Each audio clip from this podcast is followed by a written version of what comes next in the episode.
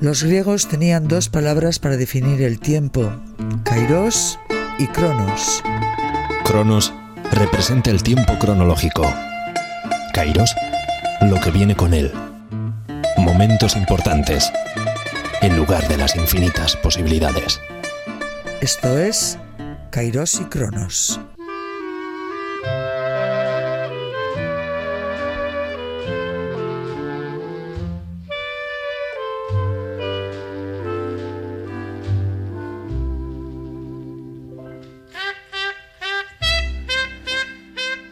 Hola, ¿qué tal? El deporte es hoy el asunto del que vamos a hablar, deporte en singular o deporte, deportes en plural.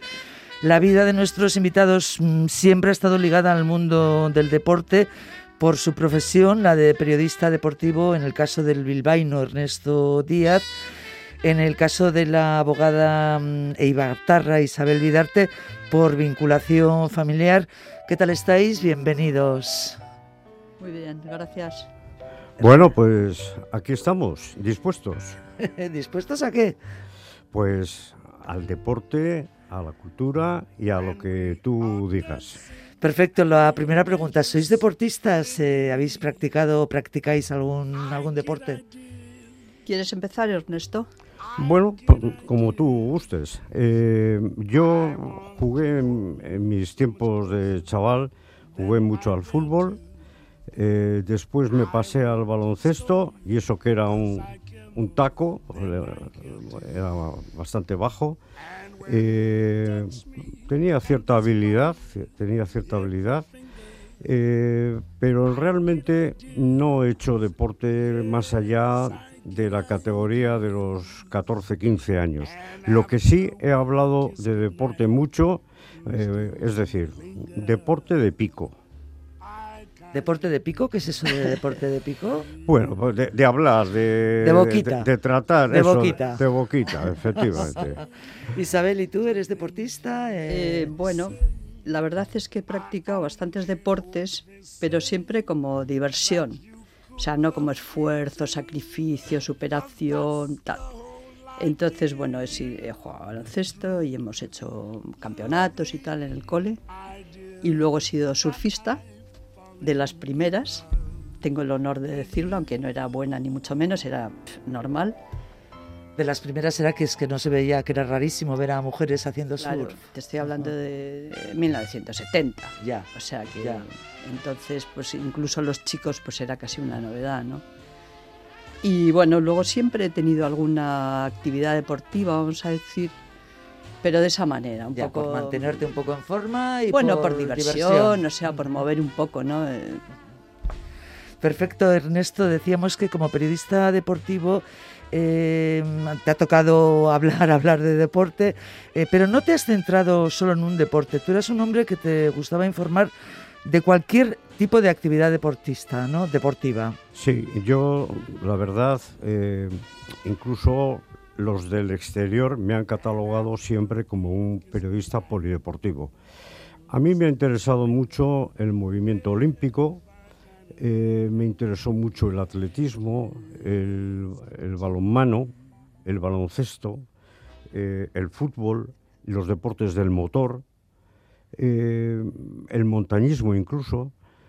Mm, no podría decir que me he centrado salvo en la última etapa eh, de mis trabajos en televisión, que me centré bastante más en el fútbol por necesidades, eh, yo diría que soy un periodista, pues bueno, pues eh, de todos los deportes. Yo era periodista, como un caso anecdótico, mm, desde los nueve años. Bueno, pues eso me lo tienes que contar. Pues sí. Mm, agarrado a la mano de, mi madre, yo iba de mi, de mi casa, yo vivía en la calle Luis Briñas, eh, delante del campo de fútbol de San Mamés, iba hasta la Universidad de Deusto, atravesando el puente de Deusto, eh, las mañanas de los domingos, para ir a ver baloncesto, eh, provisto de un lapicero corto y un bloque pequeñito también, en el que yo apuntaba que si el número 9 había metido una canasta, que si el, el número 7 se había resbalado, le habían pitado una personal, y luego llegaba a casa y aquello lo pasaba a un papelito. Y hacías una redacción. Sí, pero, sí, pero bueno, redacción súper sencilla, nada, nada de, de literario ni, ni, ni, nada de eso. Y además también hay otro detalle que en, la calle Luis Briñas, donde había los chavales de la calle, teníamos una fiebre por el fútbol enorme, eh, sin lugar a dudas, por el contagio que salía de, de, las, de las gruesas paredes de la, vieja general del viejo San Mamés, pues eh, se formó allí un, un equipo eh, en la calle, un, un, trabajador de astilleros de Euskalduna eh, que estaba dado de baja permanente por, por grave enfermedad, nos vio en la calle tener tanta afición todos los días con el balón cuando él paseaba por la calle que nos propuso crear un club. Y entonces se creó el Unión Club, que era la unión de los chavales de la calle Felipe Serrate con la de Luis Briñas. Ajá. Y yo he llegado y tengo todavía en mi poder eh, los 108 resultados de los partidos jugados a partir de 1951. O sea que lo guardas absolutamente todo. Bueno, no, no tengo el síndrome de Diógenes, pero, pero, pero casi. Sí, eso sí. E incluso, Ernesto, Ernesto, sí. perdona, ¿dónde tienes guardado todo eso? Bueno, pues eh, lo tengo en, ¿En mi papel, casa. en el ordenador? Ah, no, no, no, no, no. Lo tengo en un en un, en un cuaderno. Voy, es, tiene también un, un, aspecto anecdótico. Lo tengo escrito a lapicero eh, en el dorso blanco de las facturas de cremallera Sareitio, porque mi tío Fermín era representante de esas de esas cremalleras en todo el norte de España. Y yo cuando iba a su casa eh, pues me daba digamos eh, material de escritura me daba, me daba las facturas las que ya no valían y por detrás escribía pues hoy hemos ganado 2-1 a tal hoy hemos perdido 3-0 con tal y bueno pues la verdad es que mmm, ahora encontrarme con todo eso es de una riqueza personal Evidente. enorme. Lo tendrás que clasificar y digitalizar y porque si no lo vas a acabar perdiendo bueno, o se va a acabar rí, perdiendo. Ríete ¿no? de los sí, papiros. Y, y sobre todo no lo voy a llegar a ver porque el lapicero también se borra por sí solo. Claro, claro. Y, y te voy a decir una cosa.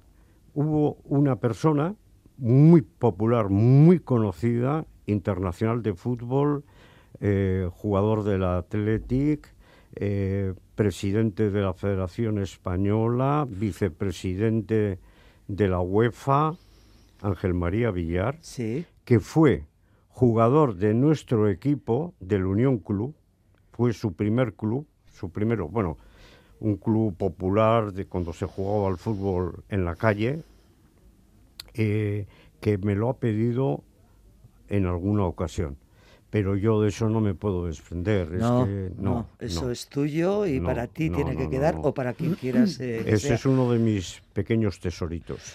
Isabel, hablábamos de, mm, de tu vinculación al deporte mm, por, por la familia, ¿no? Eh, en, el, en tu caso es en el- la pelota, la pelota vasca.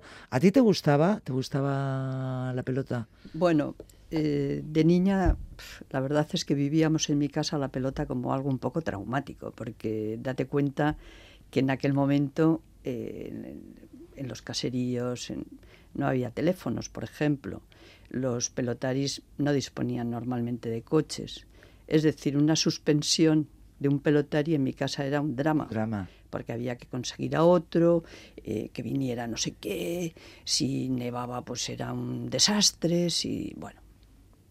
Y por ejemplo en los momentos en que había campeonatos, date cuenta que mi padre, que entonces claro, la estructura de los negocios de las empresas era completamente diferente, ahora hay equipos, eh, para cada cosa hay una persona o un equipo y tal. Entonces el empresario, en el, en el caso de mi padre por ejemplo, pues él controlaba un poco todo. O sea, todo lo que se relacionaba con el Frontón Astelena, del que fuimos formando parte como propietarios, y luego como Empresas Unidas, que era el presidente de. Entonces, bueno, pues eh, organizar los partidos de tal, eh, bueno, mil cosas, ¿no? Y eso, claro, era súper estresante, porque recaía un poco la mayor responsabilidad de mi padre y entonces pues cuando pasaba algo de eso los niños no hablábamos eh, estábamos todos temblando había tensión, tensión había esa tensión no de acuerdo o sea eso cuando éramos niños Ajá. pero luego te empezó a gustar bueno, ha formado parte de mi vida. Te quiero decir una cosa eh, de una manera muy orgánica, estaba ahí, ¿no?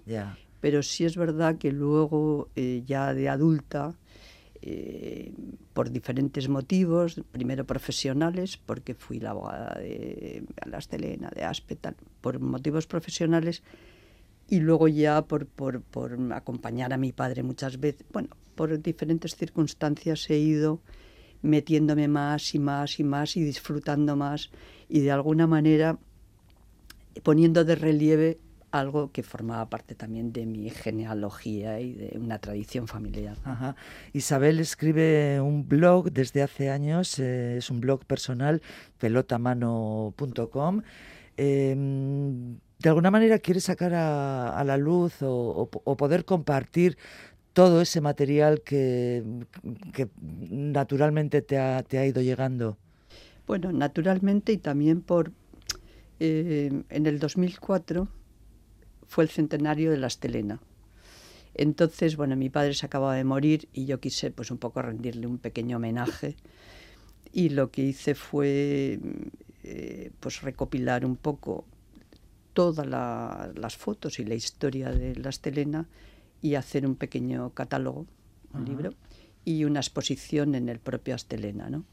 Y ahí me entró un poco un gusanito, ¿sabes? Y en realidad se reveló una parte de, porque yo abogada finalmente nunca me he identificado mucho con esa profesión, pero todo lo que es la fotografía, eh, la documentación, tal, todo eso es como si me hubiera abierto una caja de Pandora, ¿sabes? Donde empieza a salir cosas. Descubres eh, secretos y descubres tesoros y te apetece sacarlos a la luz. sí. Has tenido que, que documentar, o sea, ¿cómo ha sido el proceso de documentación? No haber sido fácil, me imagino. Bueno, pues mira, eh, la pena es que, que mi padre, por ejemplo, que hubiera sido un- una fuente de documentación bárbara, porque además tenía una memoria excelente y la cabeza en su sitio eh, hasta que se murió, hubiera sido increíble, ¿no? Pero tuve que recurrir a mucha gente, pues tipo Miguel Gallastegui, bueno, y diferentes personas, eh, pues a Tano Décimo,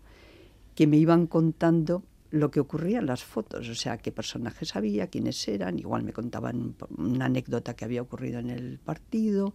Bueno, fui eh, de esta manera un poco eh, directa, eh, como me, fu- me fui documentando de muchas cosas, ¿no? Ajá. Luego pues hay, hay libros y hay cosas y tal, ¿no? Pero para mí la foto ha sido un poco la vía para querer saber más. Supongo que además en esas fotografías, en muchísimas, estaría pues tu padre y... No te creas, No, ¿eh? porque le horrorizaba los medios. O sea, él al Sí. margen. Sí. Te lo puedo decir yo. Ah, porque seguro que lo has conocido. Hombre, claro. Bueno, pues claro, háblanos de él, por ejemplo. No, bueno, no, no, simplemente que sí, no, no era muy partidario de las charletas con los periodistas. Eh, era una persona muy entendida, manejaba excelentísimamente eh, todo el mundo relacionado con la pelota, con los pelotaris, eh, pero sí, con los periodistas eran más bien, yo estoy ahí con Isabel, eran más bien algo esquivo. Eh, lo que sí ya me está hirviendo en la sangre y lo tengo que, digar, que escupir, es que la página web pelota.com es súper recomendable. ¿Por qué? Mira. Pues porque es sencilla, es muy clara de visionar, muy manejable, con imágenes en blanco y negro preciosas y textos sencillos y bien escritos. Yo, desde luego, la recomiendo totalmente. Pues para aficionados y para eso. Curiosos. ahí queda eso. Ahí queda eso, lo No, dice Ernesto Díaz, nuestro invitado, uno de los dos invitados eh, de hoy en el programa. Eh, seguimos en un momentito.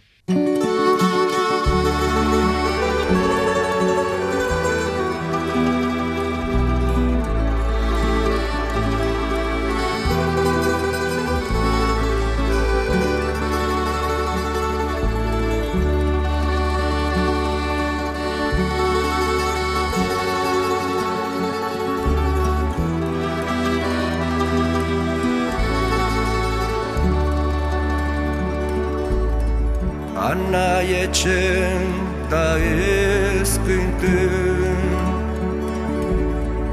Vicatunis oangioa interam Ene o ene giteram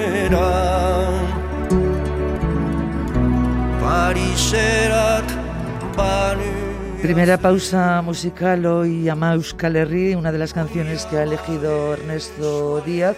Yo les pido a los invitados que, elijan dos canciones y luego que me cuenten por qué la han elegido. La escuchamos.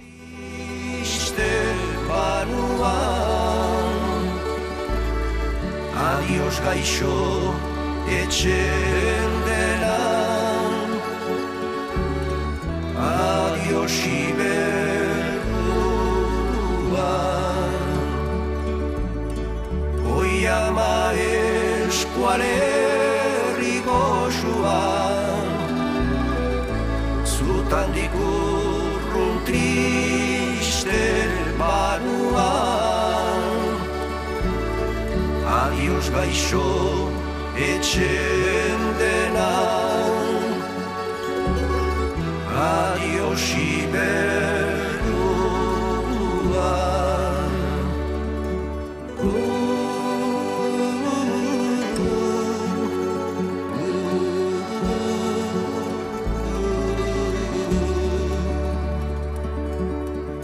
Pariseko bizitzian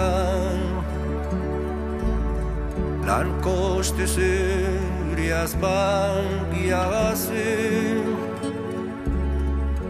Bena berantzen zuta da Zure berriz ikustian Oiama eskuare erri goxua Zutan dikustian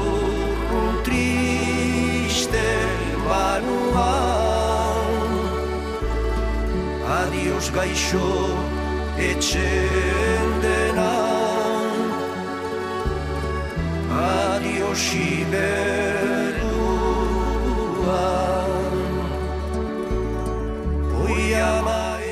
Ernesto, ¿por qué, ¿por qué has elegido esta canción? Bueno, pues porque Benito Lerchundi me enciende muchas bombillas.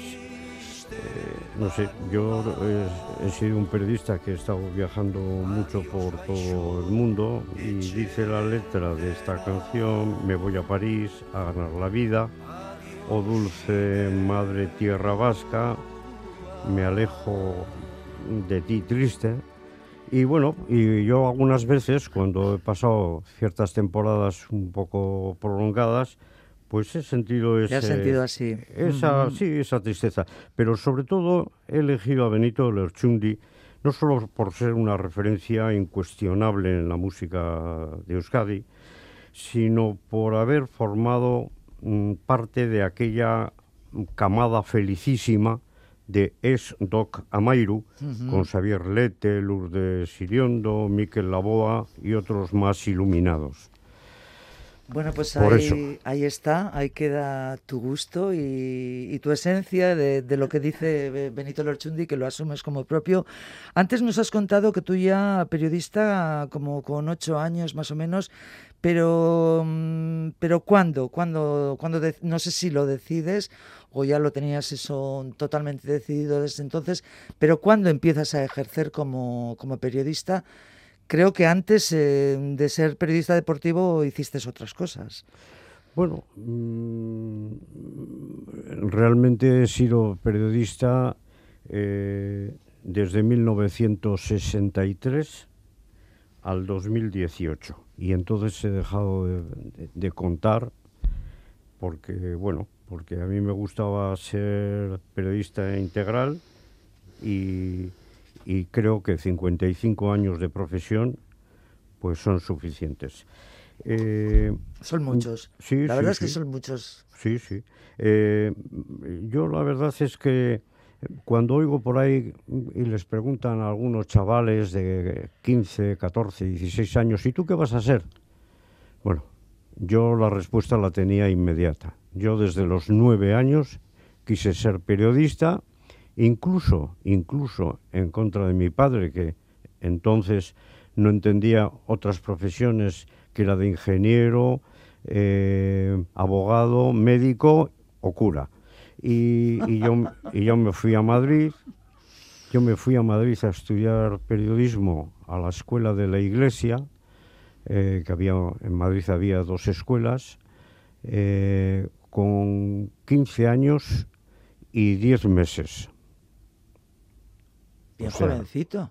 Pues sí, pues sí, porque entonces, entonces cuando digamos se hacía periodismo con lanza, eh, pues eh, solamente mm, hacía falta, no era carrera universitaria, era carrera superior y yo, pues bueno, pues he pertenecido a un, a un, a un tipo de periodismo diferente al que hay ahora mismo, mucho más tecnológico, mucho más avanzado, pero bueno, pero para mí el que yo practiqué fue pues suficientemente ilusionante y como yo creo que la ilusión es la madre de todo, es el motor que mueve todo, pues bueno, pues estoy contento. ¿Cuándo empecé a funcionar? De verdad, bueno, primero hice prácticas en el, en el desaparecido gran periódico de la tarde de Madrid, el Informaciones, que formaba parte de la cadena del Correo. Entonces era el Correo, el pueblo vasco, el, el- el Correo eh, español, el pueblo vasco. Eso es, Correo Eh, Español, el pueblo vasco. Sí, sí, entonces era así. Y este periódico Informaciones tenía una redacción soberbia, con lo mejor de lo mejor, el mejor crítico literario, el mejor crítico cinematográfico, el mejor eh, eh, crítico de toros. eh, bueno, era, era una maravilla estar allí. Y yo lo único que hacía era coger una tijera, un papel y un boli, y iba al teletipo, cortaba el teletipo, eh, y echaba una rayita sobre lo que me parecía a mí que era importante. Bueno, es lo que tocaba a, a- a todos los que los novatos, ¿no? Ah, claro, que hombre, Claro, yo no era un novato. de... Sí, sí, yo tuve muy buenos maestros con José María Calle, por cierto, el hijo del poeta Calle Iturrino, bilbaíno, montañero, eh, mm, jefe de prensa del Mundial de Fútbol del 82, eh, y de José María Ruiz, que era un periodista verbenas. Eh, yo le recuerdo, le recuerdo saliendo... Periodista eh, verbenas que es... Sí, pues mira, pues te lo voy a explicar. El periodista Verbenas es el que sale De a, noche. la- a las 4 de la mañana, a las 5 de la mañana de- del cabaret Morocco de Madrid, que era muy famoso entonces, y venía a ducharse de mala manera al periódico. Y a continuación se ponía a funcionar. Una fuente de vida enorme, enorme, enorme. Jo- José María Ruiz, gran periodista. Ujú. Y luego yo, mm, cuando me vine para Bilbao ya de regreso, pues empecé en Radio Popular. Eso fue el 1 de octubre de 1964. Y luego pues he tenido, he estado en agencias de noticias, en la radio, en la televisión, en revistas, en periódicos digitales, en gabinetes de prensa. Bueno, pues la verdad es que he dado palos a casi todo. Te ha tocado hacer de todo, ¿no? Sí, Hasta que sí. ya decidiste que lo tuyo iba a ser información, o, o decidiste o, o se decidió eh, información deportiva, Sí. sobre todo en, eh, en televisión, en el Centro Regional de Televisión Española, creo que se llamaban así, Sí, sí. en, en Telenorte, ¿no? Sí, sí. Mm, Y ahí te tocó ya, pues, un poco tu carrera profesional, hablando, como decías antes, de, de todo tipo mm, de deportes. El blog pelotamano.com, Isabel, en él vas construyendo mm, relatos diversos sobre la pelota, sobre el deporte de la pelota, desde los personajes, los pelotaris, los frontones, el juego y hasta el propio sonido de la pelota.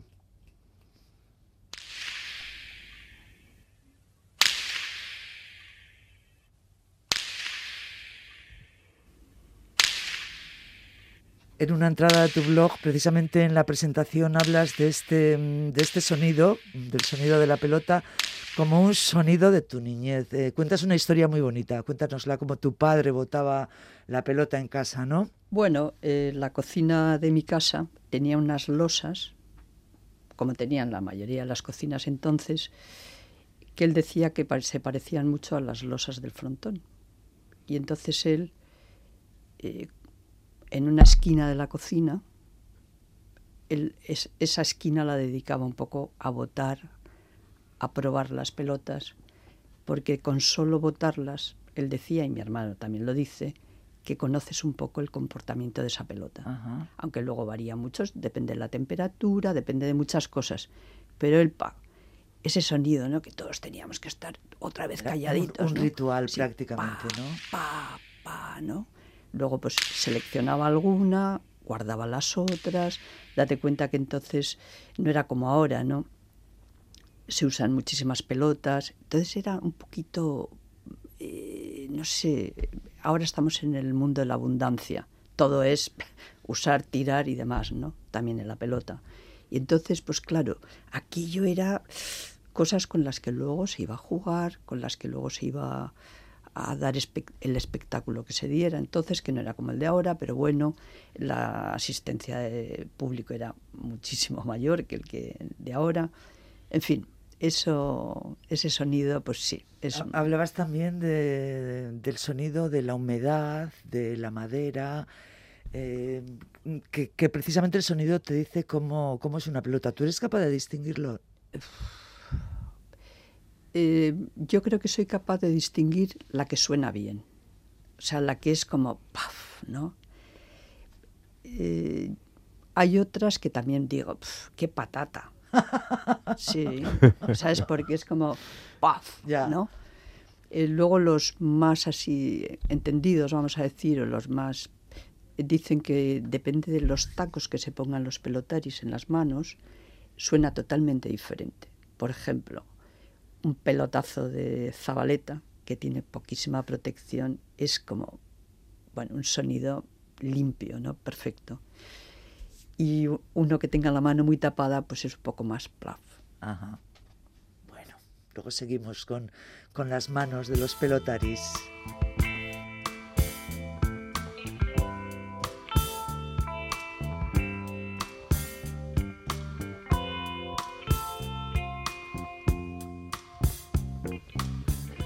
Willis the Wind es la canción que, ha elegido Isabel Vidarte, la canción en, la voz de David Bowie, porque es una canción que la ha cantado muchísima gente, es una canción de, película, así se titulaba una película del año 1957, dirigida por, por Josh Cukor, ni más ni menos.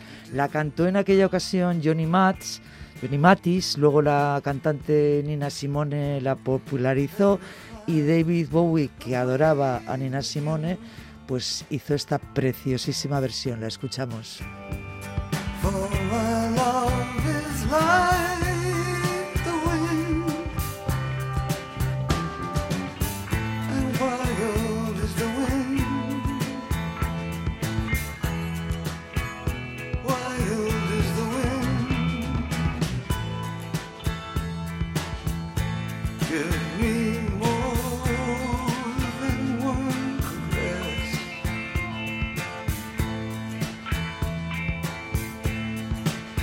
is mine.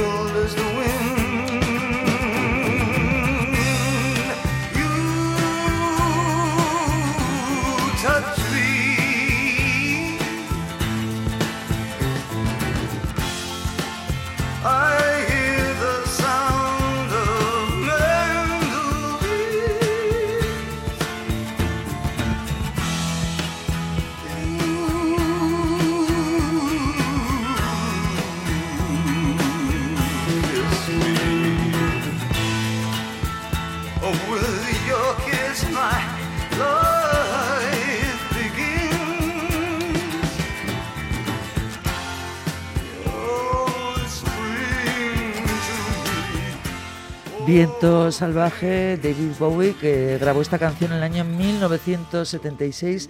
¿Dónde te lleva esta canción, Isabel? ¿A esos años? Mira, has mencionado a Nina Simón Sí. y yo rindo homenaje a Nina Simón desde aquí porque también fue una de las que pensé en Ajá. una canción suya en el playlist reducido que me habías pedido, pero bueno, finalmente decidí, me decidí por Bowie porque yo creo que ha acompañado muchísimos años de mi juventud y, y ha sido un gran maestro. ¿no? Bueno, y la verdad es que escucharle hoy, después de tantos años, es que, vamos, o sea, te, te sigue emocionando.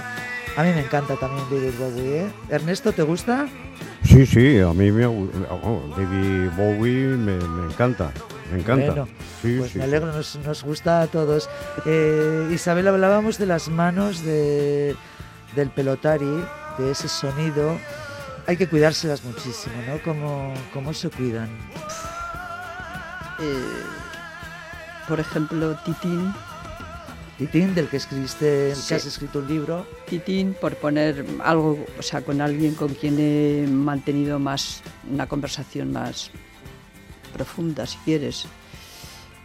Eh, él no tenía mal de manos, solo una vez creo que tuvo un pequeño así, pero era un pelotarí muy duro, a pesar de lo cual pues se cuidaba las manos.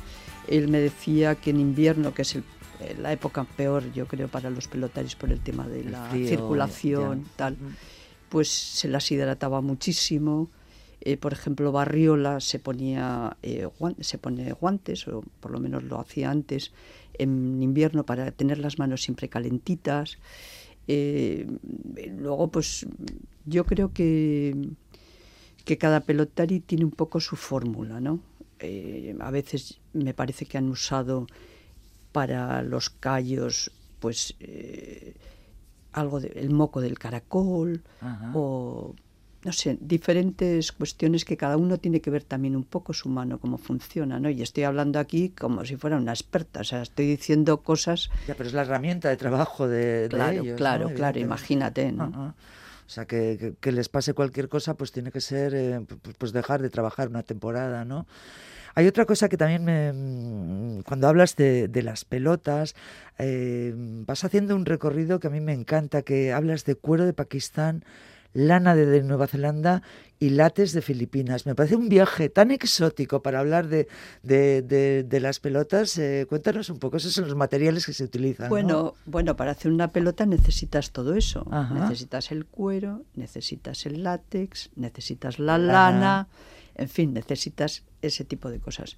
El, por ejemplo, el cuero, pues si antes se utilizaba eh, el cuero de aquí, de un tipo de, de oveja, pues eso se ha ido acabando y al final Pumpa, que es el que me, me cuenta esto, que es el que hace ahora mismo el material para la pelota profesional, Ajá. ha ido intentando localizar el mismo material en diferentes lugares o donde los hubiera, ¿no? Por ejemplo, el alana merino, pues imagínate, se ha ido a Nueva Zelanda, que es donde, porque él quería tener siempre más o menos la procedencia o el tipo de material que fuera el mismo, la lana que fuera la misma, que no cambiara mucho para que luego la pelota no variara mucho. Y fíjate tú, es que es, increíble, ¿no? Que una pelotita que estás viendo en un frontón, eh, donde sea, está compuesta por, por todo, por un mundo. ¿no? tenga todo ese recorrido, ¿verdad? Es, la verdad es que es, es muy curioso. Ya decía mm, Ernesto que tu blog es muy, muy, muy interesante y merece la pena leerlo. Eh, Ernesto, por tu trabajo nos decías antes que has viajado pues prácticamente por, por todo el mundo, habrás conocido a muchísima gente y te habrán ocurrido muchísimas cosas, ¿no? Bueno, pues sí, y no solamente eh, por el tema periodístico, porque eh, una, una faceta que yo tampoco no he hecho ningún tipo de propaganda es que durante casi, casi 11 años, los veranos los he dedicado a, bueno, pues a devolver al deporte algo de lo que yo me he servido. Es decir, yo, mm, el deporte ha sido mi vida. Yo no sabría decir si soy más periodista que más hombre del deporte o, o al revés. Eh, entré a formar parte de un organismo internacional eh, que se llamaba, porque ha desaparecido ya, que se llama FIDEP, Fondo Internacional para el Desarrollo de la Cultura Física y el Deporte, y era una rama de la UNESCO, con sede en París. Bueno, pues yo como hablaba un poco de francés, pues eh, estuve en la sección francófona, en la cual, pues bueno, pues eh, mis, mis, funciones estaban en África, en países desfavorecidos, y así pues estuve, por ejemplo, por poner un caso, en Togo, en Burkina Faso, en Costa de Marfil, en Camerún, en Senegal, eh, en Madagascar. Eh, después hubo... ¿Se un trataba de, de impulsar el, el deporte en esos países? No, no. eh, era, era, vamos a ver, como a mí el deporte me ha dado tanto, yo quería responderle y quería ser, bueno, pues con comillas, mínimamente generoso. Este organismo eh, se relacionaba con la juventud, Ajá. eh, con los chavales pequeños, con niños entre, entre 6 y 16 años. Y bueno, pues mm, les suministraba eh, pantalones, camisetas, balones, bueno, material, material de deporte, ¿no? Ya. A través de un organismo internacional, Solidaridad Olímpica, pues eh, y la compañía Air Afrique y Air France se transportaban los materiales a distintas ciudades de, de África. Entonces iba una comisión de este organismo del FIDEP y, y en algunas de las ocasiones iba yo. Muchas veces he ido con un irlandés y con una suiza y bueno, y entonces pues se hacía una distribución con, de los materiales en distintos, en distintos países. Eh, yo recuerdo, por ejemplo, que Eddie Merck dio de su la marca de, de el sus famoso ciclista. Sí, Ujú. sí, Eddie Merck, el famoso ciclista, eh, salió una, una máquina eh, con su nombre y regaló 30 bicicletas a Burkina Faso, porque en Burkina Faso hay una afición al ciclismo bastante oculta, pero hay una afición, hay una vuelta ciclista a Bu- a Burkina Faso y bueno, pues pues se fue a tutelar la entrega de, esos materiales y bueno y, bueno pues tuve muchas vivencias muchas anécdotas eh, este era un organismo que no era una ONG sino era un organismo que se relacionaba con los gobiernos Ya. entonces nosotros éramos, vamos a decirlo así, invitados temporales de los gobiernos. Íbamos a hoteles en algunos casos o bien a residencias que tenía el gobierno. Y bueno, pues íbamos a las aldeas, a las ciudades de, de cierta importancia. No sé, yo... eh, Pues, pues, eh, Pues que te ha tocado estar en muchísimos sitios, así de claro. sí, en eh, sitios importantísimos y en, y- bueno, y en aldeas pequeñitas, pequeñitas, ¿no? Sí, efectivamente. Eh, yo, por ejemplo, participé en una compra de, de 300.000 pantalones, así como suena, 300.000 pantalones en, en, en Tetuán, eh, y también de zapatillas de deportes, donde allí van a parar las zapatillas desclasificadas que tienen ya 7, 8 años, iban allí y se compraban al kilo. Así como suena. Se anudaban los cordones de las zapatillas, Se, se pesaban, se ponían en un peso y se, ponían pagaban, por y luego a un container, el container llevaba el barco hasta Avillán, en Costa de Marfil, y de allí los camiones iban al puerto y bueno, y había allí un personal que decía esto para este sitio, este para otro, esto para... Bueno. Y bueno, y ya te digo, y, me pasaron pues, pues, pues muchas anécdotas. Ernesto, yo quiero que nos cuentes eh, una, que no es una anécdota precisamente, es algo que, que te ocurrió en el año 82, ¿no? Una llamada desde Argentina, que además lo has Oh. dado a conocer hace muy poco, ¿no? Mm, sí, es curioso, es curioso. Bu- bu- Bueno, pues yo estaba en mi casa y a eso de la una y media de la madrugada, eh, pues suena el teléfono, me levanto de la cama, cojo y era Alfredo Echave, en su momento director general de deportes del gobierno vasco, que me llamaba desde Buenos Aires, ¿no? Y me dice, coge papel y boli. Y digo, pero Alfredo, pero, pero ¿qué estás diciendo? Es la una y media de la mañana. Y apunta. Diego Armando Maradona ha fichado por el Barcelona. ¿Cómo? ¿Pero qué- cómo lo sabes tú? ¿Cómo- cómo? Pues sí. Te llamaba desde allí, ¿no? Desde Claro. Argentina. Uy, ¿cómo- cómo? Bueno, me dio cuatro datos y después de agradecerle el detalle, pues yo con bastante precaución y bastante meditación, llamé a la agencia F, a la agencia F a Madrid. Allí, claro, el departamento de deportes no había nadie, pero había periodistas de guardia y le conté y me dice, oye, está muy bien lo que me has contado, pero ni la delegación de Buenos Aires, que ahora es de día, ha dicho nada, Vamos, que no te creyeron no, directamente. ni la de Barcelona, que es donde es el destinatario del, del futbolista, ha dicho algo. ¿Y tú cómo diablos? Bueno, entonces le expliqué. No me creyó y me hizo perder un tiempo precioso. Entonces me puse a reflexionar y dije, joder, esto les voy a a, ver, dar... a ver, les- era un notición. Sí, claro, claro, y lo tenía allí y lo tenía dormido, estaba más dormido que yo cuando sonó el teléfono. Y claro, entonces aquello me hervía en las manos y entonces miré en un listín telefónico Jean Birber.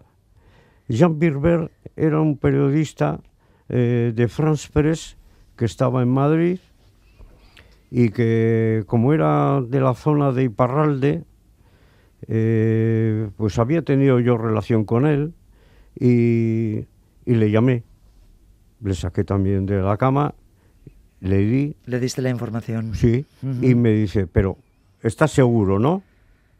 Y digo, pues oye, no creo que me llamen desde Buenos Aires, Alfredo Chávez, que es cono- conocido mío y tal, para darme una mentira. Ya. Y, y entonces él Ernesto, llamó a París. No estábamos en la época de los fake, fake ah, no, news. de los fake news, no. Oh, oh. Entonces, si te llamaban y te, lo, te, te decían algo era verdad, efectivamente. Y esa persona te, te creyó, ¿no? Y se Sí, publicó, se publicó. Sí, se publicó. Y, y luego la, la agencia F me llamó a las ocho y media de la mañana y me dice, oye, que parece ser Que sí, que, que. France Press ha publicado una cosa. Ah, no, no tengo ni idea. Les dije, no tengo ni idea. Eh, bueno, pues eh, ha- haz, un, haz una recopilación y tal. Y hice la recopilación y, la pasé. Ajá.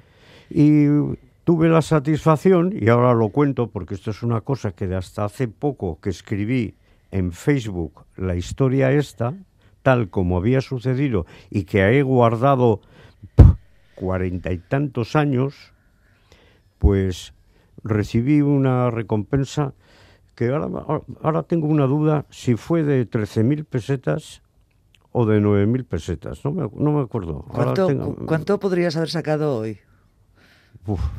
Por- por- pues como para jubilarte casi ya, ¿no? No, pero sí, sí, sí, claro, sería un dinero, un dinero. Ernesto está jubilado, pero la verdad es que no para, investiga y escribe sobre deportistas poco conocidos, hombres y mujeres, historias curiosas. Sobre Eh, mis monstruos, Es- mis tú, lo llamas tus monstruos. Lo vamos a hablar enseguida. Primero vamos con la segunda de tus canciones, que es El bueno, el feo y el malo. Es una, una canción de película también, una banda sonora de esa película de, Sergi, de Sergio Leone.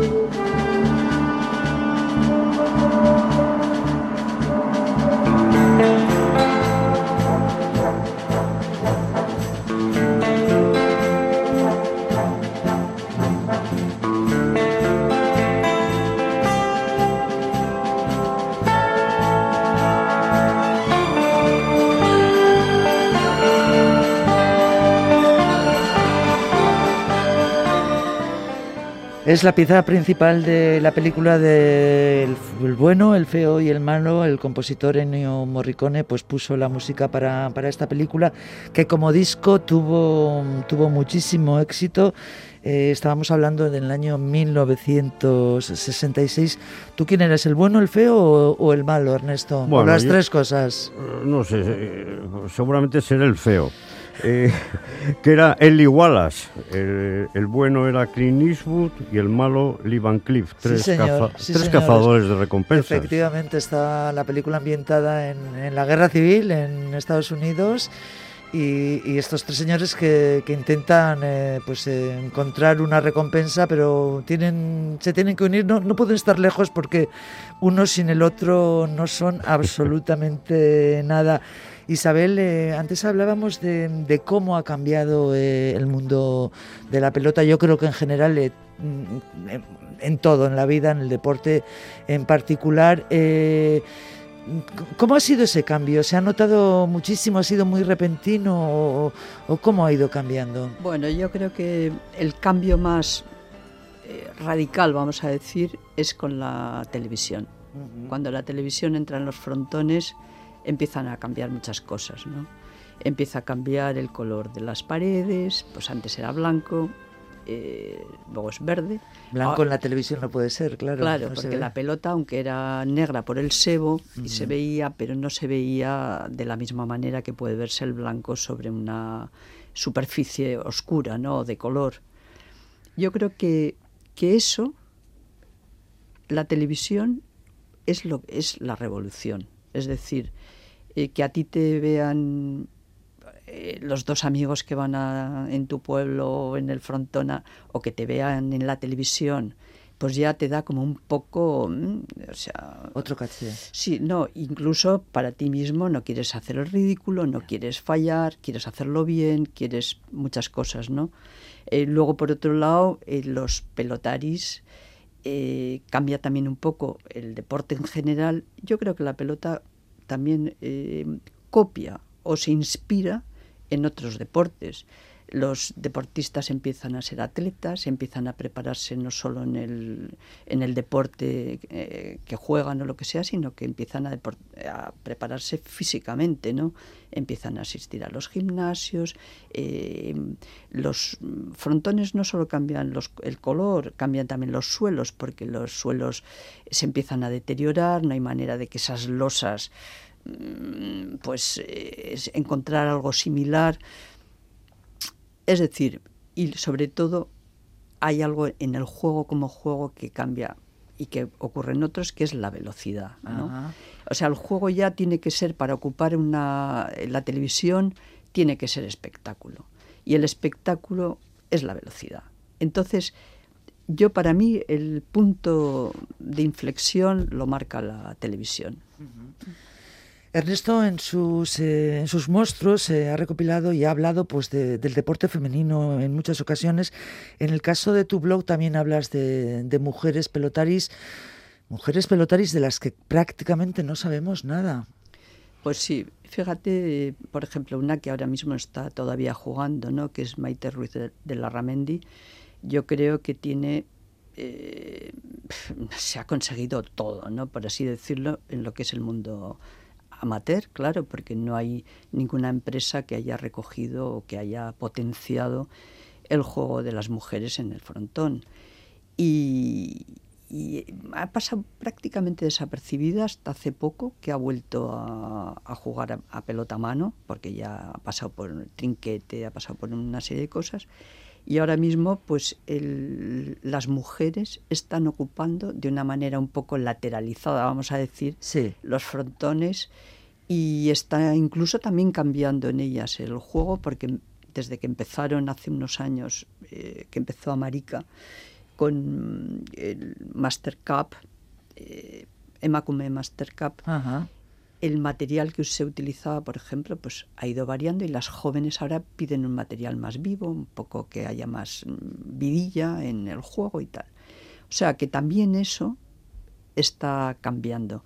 Me da pena que la modalidad de las raquetistas se haya perdido. Las Eso raquetistas, da- que, que, que, bueno, las raquetistas de, de cuándo, ¿cuándo jugaban eh, con la raqueta Bueno, hace 100 años? O... No, no, no, no, no. La no. última raquetista, yo creo, el Frontón Madrid, yo creo que desapareció año 80. No, pero me refiero cuándo empezaron Ah, a, ah, cuando a empezaron. jugar, bueno, es, pf, hace muchísimo, que- a principios del siglo pasado. Pues eso que se oía hablar de, de las raquetistas y de repente... Es algo que ya últimamente se ha dado con- a conocer y mucha gente lo sabe, que fueron las primeras eh, profesionales del deporte.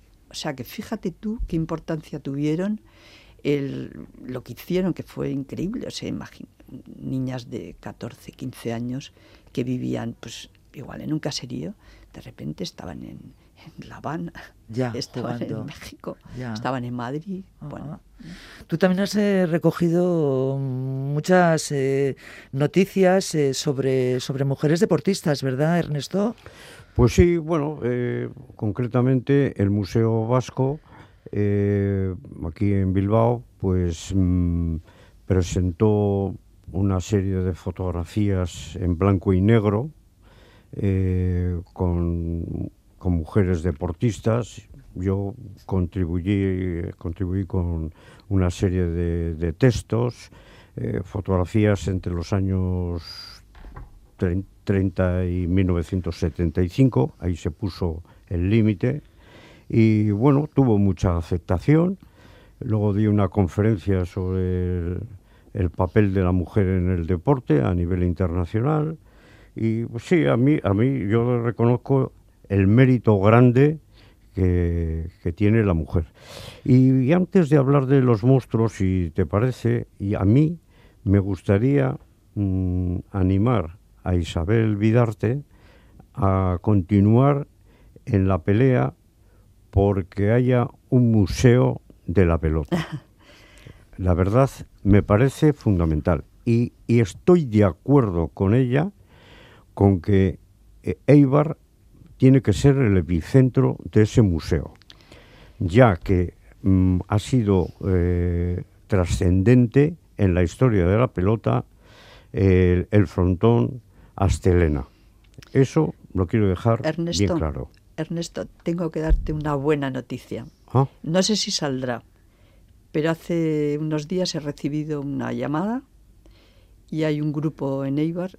Igual no puedo hablar todavía de- del proyecto, pero es un, habla, habla. es un proyecto que me gustó muchísimo y en ese proyecto tal vez eh, pueda contemplarse el un espacio importante para la Para el, pelota. para el museo. Sí, para, sí, sí, Ujú. sí. Ah, Y ah. además, y lo digo desde aquí, me gustaría que si se hace un museo de la pelota, eh, fuera un museo, bueno, no solo que guarde la memoria, ¿no? La memoria de algo que ha evolucionado, que es como es la pelota, sino que tocara un poco más el tema de la sensación, el tema de la emoción, el tema de, de miradas que a veces eh, se nos escapan cuando vemos movimiento, ¿no? Ajá. Es decir, que el recorrido por la historia de la pelota fuera un poco... Es decir, que para alguien que viene de fuera, que no conoce, que pueda transmitirle, pues por ejemplo, como puede transmitir el sonido, ¿m? o no sé, que fuera un poquito diferente a lo que es eh, recoger, por ejemplo, pues eh, la camiseta de tal o cómo se hace la pelota, que también, ¿no? Pero Correcto, eso, correcto. eso lo pones en un digital y, o sea, en- Hablar más de emociones y de... Sí, de algo así como sí. un poco paf, ¿no? O sea, que es. te deje como, pero, oh, ¿qué es esto, no? Bueno, En este mundo hay mucho que hay mucho que decir, ¿no? De este, Sí, sí, de este juego. En estos tiempos de pandemia, pues se han borrado infinidad de acontecimientos deportivos. Eh, así en un minutito, en medio minuto, ¿cómo, cómo habéis bebido? ¿Cómo vivís estos, estos momentos? bueno, pues eh, da muchísima pena, ¿no? Eh, mira, en ASPE se ha hecho un, una felicitación este año, donde un poco yo creo que se refleja bastante bien lo que ha sido el año de pandemia. Y tiene que ver con, con esa ausencia de público, con esas limitaciones, porque todo deportista se crece con el público, ¿no? Con- otra vez hablamos del sonido de del bullicio también. ¿no? También. Es uno de los sonidos del Ajá, frontón. ajá. Ernesto, me imagino que, pues eso, con la misma pena y bueno, pues deseando que todo que todo esto vaya vaya terminando. Se nos han quedado muchísimas cosas en el tintero, pero tenemos que, terminar y lo hacemos con, con la segunda de las canciones que ha elegido Isabel Vidarte. You know, you know I'm no, I'm no good, de la cantante británica Amy Winehouse, con ese registro vocal tan poderoso, capaz de expresar emociones, que murió muy jovencita, eh, pues hace en el 2011. Eh, nos despedimos, ha sido un auténtico placer hablar con vosotros. En la técnica ha estado, como siempre, Miquel Olazábal, el saludo de María José Villaverde. Cuídense mucho, Agur, un abrazo. Agur, bye. Agur, Ernesto.